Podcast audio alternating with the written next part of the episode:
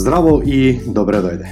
Јас сум Александар Кочовски и слушаш уште една епизода од мојот подкаст каде што зборувам за креирање на бизнис да ти служи, а не да му служиш ти нему. Секој успех има своја цена. Една од цената која што треба да ја платиме за да изградиме успешен бизнис и живот е лична едукација, а тоа е што представува моја страст. Здраво и добре дојдовте во уште една епизода во која ќе зборуваме кој е патот кој клиентот треба да го помине за да дојде до продажба.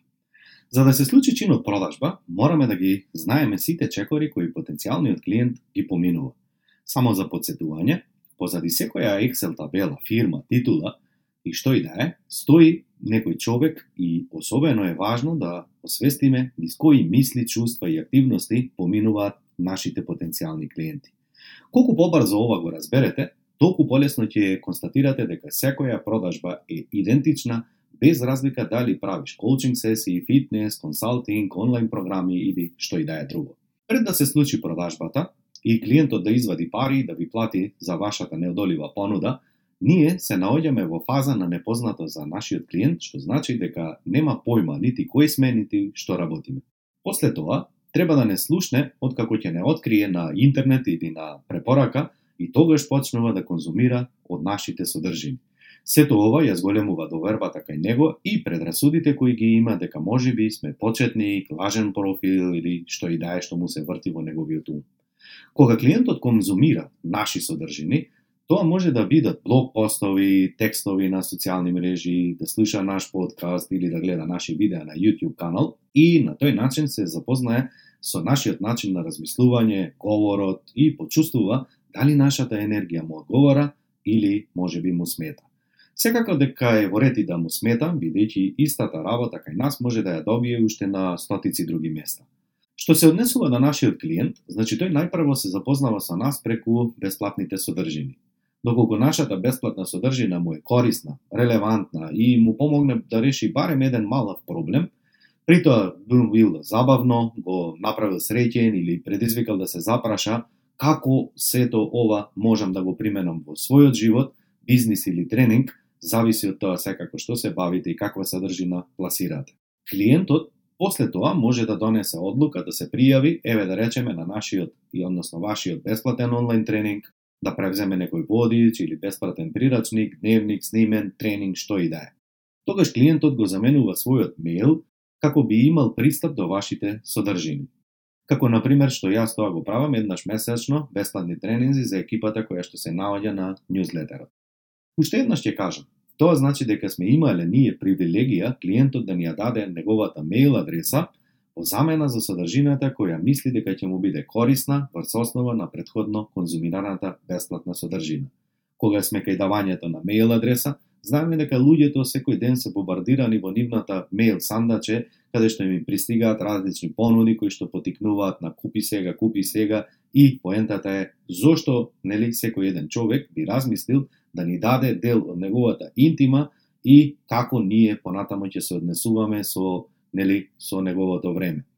Кога клиентот ќе ни даде мејл, ќе се запознае со нашиот начин на работење преку нашиот вебсайт, подкаст, блог или социјални мрежи, клиентот паралелно размислува дали таа понуда е за него, размислува и за тоа дали има ги има потребните пари, дали може би треба да ги дополнително заработи, да се позајми, може би ќе треба да земе кредит. Сето тоа зависи од количината и од местото на кое клиентот во моментот се наоѓа.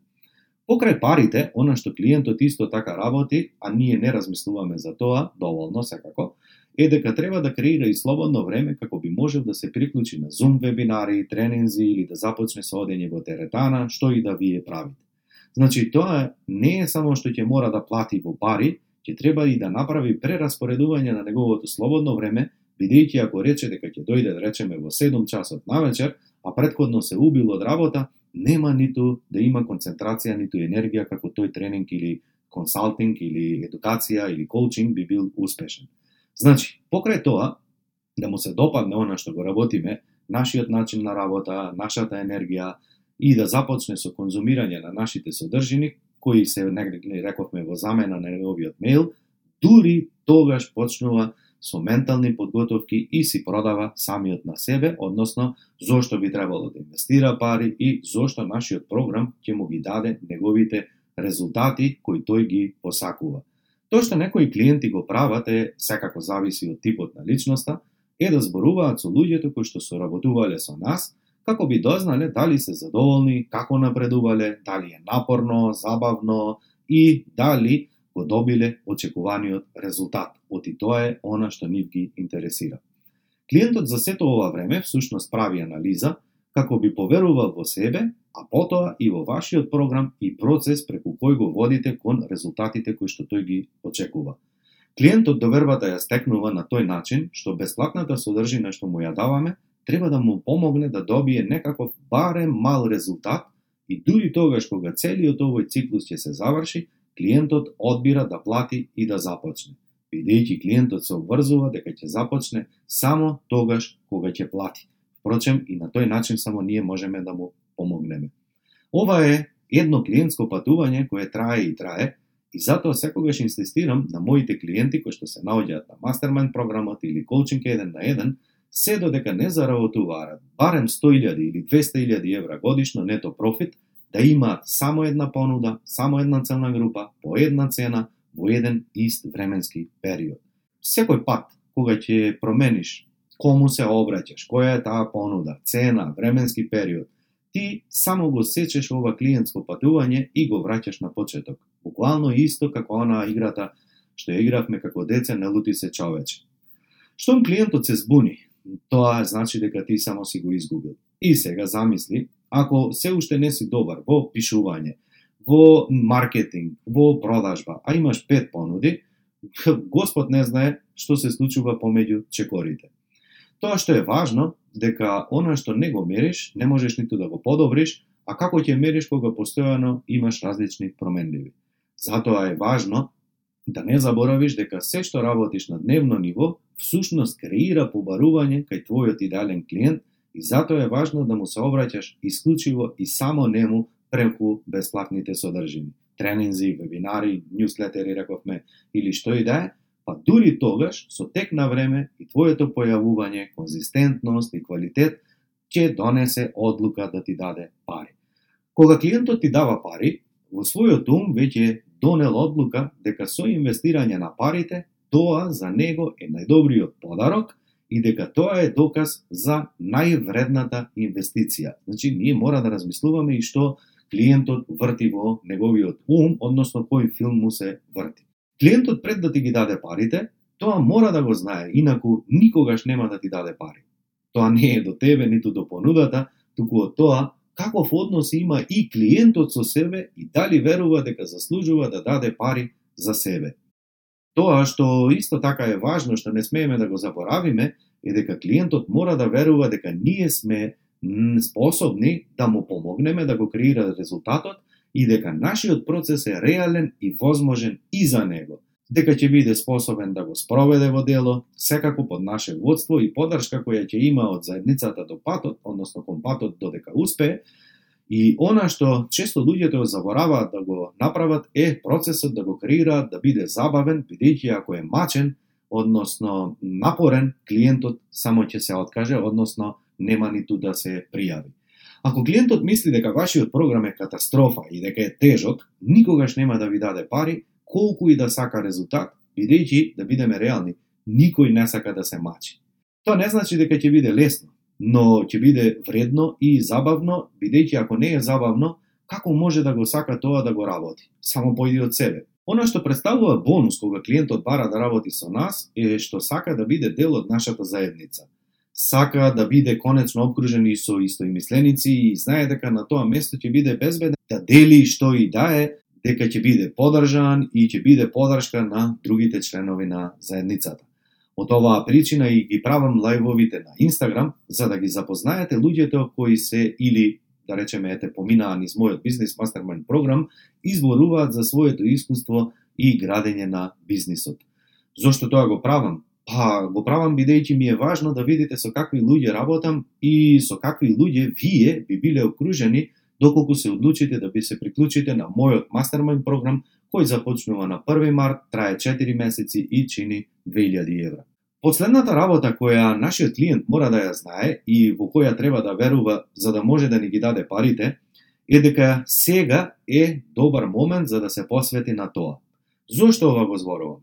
Пред малку исто така кажав дека клиентот не подготвува само кеш, туку и време и енергија, бидејќи знае дека тоа ќе му биде необходно за да дојде до резултат. Што значи, со плаќање на курс, тренинг, менторски програм, физиотерапевт, коучинг или што и да е, ние не го купуваме резултатот. Примената доведува до резултат. Затоа, мораме да бидеме кристално јасни дека клиентот не може да го купи програмот од нас ако е благо заинтересиран, туку ако е на вистина подготвен, бидејќи ако клиентот не е на вистина подготвен, не е подготвен да издвои време и енергија како го би сето она би го применил, нема ништо да се промени и на тој начин само да си ги троши парите. За крај, сега немој да помислите дека со квантитет на содржините ќе ги победите, ќе го победите квалитетот. Значи, квантитетот никогаш не го подбедува квалитетот. Тоа што сега ќе го слушнете и си помислите дека Александар објавува подкаст и работи секој месец, а, да кажеме, а, бесплатни тренинзи за Zoom екипата, односно ньюслетер екипата, пишува блогови, објавува видеа, лайфови на Инстаграм и останато, сега јас ќе го правам тоа и ќе имам веднаш исти резултати. Прво, немој тоа да го правиш, бидејќи ќе доживееш бърнаут, како знам, од искуство, ништо друго, И второ, не можеш да го надоместиш сето оно што јас веќе десетина години го градам, односот, нели, со луѓето, со тоа што секој ден ќе им излегуваш, нели, постојано лајвови или или ќе ги бомбардираш со со материјали. Ќе си досадиш и себе на тој начин и на клиентите и тоа не е одговорот. Одговорот е да бидеш на свој пат и да не се надпреваруваш со никој, туку само да се трудиш секој ден да бидеш подобар, но и конзистентен. Јас, на пример, следам само двајца, тројца луѓе и ги конзумирам нивните содржини на YouTube и подкаст, И она што е причината што тоа го правам е за да имам јасен фокус, а да не си правам конфузија, бидејќи ако слушаме еден, па друг, па трет, па петти, секој ни препорачува различни работи и на тој начин само едноставно веќе не знаеме што кој пат да го одбереме. Истото мислам дека е важно и за тебе. Одбери само еден ментор и влези all in. Одбери на кој начин ќе креираш содржина, одбери една платформа и влези исто all in. Немој сега да скокаш на пет мрежи ако не си совладал една. Тоа е исто како да учиш одеднаш и кинески, италијански и белгиски, а на сите тие си на основно ниво. Па ако не си созда, ако не си совладал еден јазик, зошто мислиш дека ќе ги совладаш сите мрежи и како ќе заработуваш годишно барем 200.000 евра од еден програм, зошто лансираш пет кога очигледно не си го совладал процесот на креирање на побарувачка, може би на маркетинг, продажба, испорачувањето на крајот на денот кој што му го даваш на, на клиентот. Значи, за секој мој производ, барем 3 години го напредував пред да преминем на нов, работилницата, например, откри го својот скриен потенцијал и одржував цели 3 години. Работилницата финансиска писменост, исто така 3 години пред да започнам со мастермајнд групите и она што денес го работам. И еве, ова и следната година, значи нема да имам никаков производ различен од овој. Затоа што лесно може да се направи превид кога луѓето не одат во длабина и до совршеноство да креираат еден единствен програм. Со години одржувам тренинзи на иста тема. Токму затоа секој следен да биде уште подобар до мера до која што е за мене доволна. Така, сега со години ќе го напредувам и бизнес мастермен програмот. Заклучокот е немојте да скокате панично како мува без глава, бидејќи нема да стигнете но никаде. Подобре да бидете фантастични само на една мрежа, отколку просечни на 10. Дали тоа е Facebook, Instagram, YouTube, што и да е, и на тој начин ќе научите да го водите клиент пред клиентот преку ова клиентско патување од точка да, пример, нема појма кој сте и што сте и што работите, до таа точка, до таа мера, да со радост и уживање ви даде кеш, односно пари, време и енергија, да направи, да го направи резултатот кој што го посакува, со помош на вашиот еден програм, една понуда, една која што е идеална и направена за него, по една цена, во еден временски распон. Немојте никако да не ме послушате, бидејќи за ова ќе платите со живци, губење на енергија, бърнаут и ќе се прашувате дали сте способни за сето како што мене ми се случуваше. Не, не сте ниту неспособни, само пробувате да работите пет работи од еднаш. И јас секогаш се фокусирам само на една работа, а тоа значи дека 99% од работите што другите луѓе ги прават, јас не ги правам. На тој начин само си го држам фокусот. Ова ќе ви заштеди многу време и енергија, а ќе заработите многу пари, и тоа во соработка со луѓе кои што навистина се добри за она што вие го нудите. Значи нема да работите со секого и по секоја цена и по сите услови. Се надевам дека оваа епизода ќе ти користи и доколку се уште не си пријамен на Бизнес Mastermind програмот, имаш време до 25 февруари да се пријавиш и ако планираш да преминеш на онлайн, ова е вистински програм за тебе.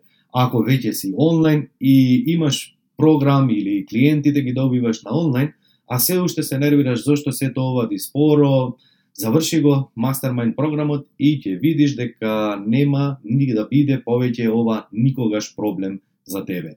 Имаш мојот збор и се гледаме на мастермайн програмот. Ти благодарам што одвои време да ме слушаш на овој подкаст.